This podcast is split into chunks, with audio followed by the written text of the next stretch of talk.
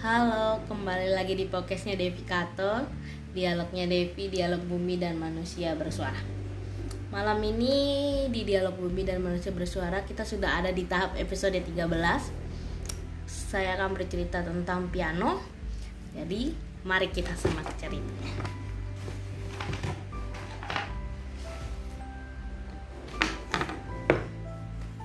Wow, teman saya pandai sekali bermain piano Alunan instrumennya bergetar dari tombol-tombol hitam putih piano. Sungguh memikat hati. Nama panggilannya Rangga, anggota home band. Seringkali saya memintanya untuk memainkan piano karena hati ini terpikat dengan nada indahnya. Kebetulan di hari terakhir acara latihan kepemimpinan beberapa bulan yang lalu, Rangga hendak mempersembahkan sebuah lagu sambil memainkan piano. Sebelum tampil, tentunya dia berlatih terlebih dahulu. Saat latihan, saya juga ikut bernyanyi. Lagi-lagi instrumen merdu piano yang dia tekan sangat indah, memikat hati. Sampai malas rasanya untuk beranjak pergi karena karena keasikan mendengar alunan nada-nada piano yang menghipnotis itu.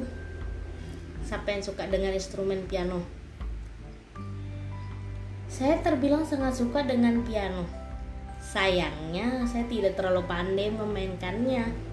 Paling hanya beberapa lagu wajib kebangsaan yang bisa saya mainkan dalam tangga nada piano. Saya masih terbilang awam untuk urusan musik. Agar saya tetap bisa menikmatinya, saya sempatkan untuk membuka beberapa aplikasi streaming agar bisa menikmati instrumen piano yang menyentuh hati. Mengapa nadanya begitu indah? Sebab tombolnya terdiri dari tombol hitam dan putih. Untuk menghasilkan alunan nada dengan sentuhan lembut, tombol hitam dan putih harus ditekan. Tidak hanya menangkap tombol putih saja, atau hanya menangkap tombol hitam saja, Ketika kedua tombol selaras, simfoni indah dilantunkan, hati pun menjadi sahdu dibuatnya. Siapa yang suka dengan instrumen? Dalam diri ini ada tombol hitam dan putih. Selalu selalu dualitas itu hadir. Tidak mungkin hanya hadir salah satunya dalam hidup kita. Seperti marah, sabar. Ada kalanya tombol marah kita tekan, emosi pun terguncang. Ada kalanya tombol sabar kita tekan, kita pun bisa menikmati indahnya hidup tenang.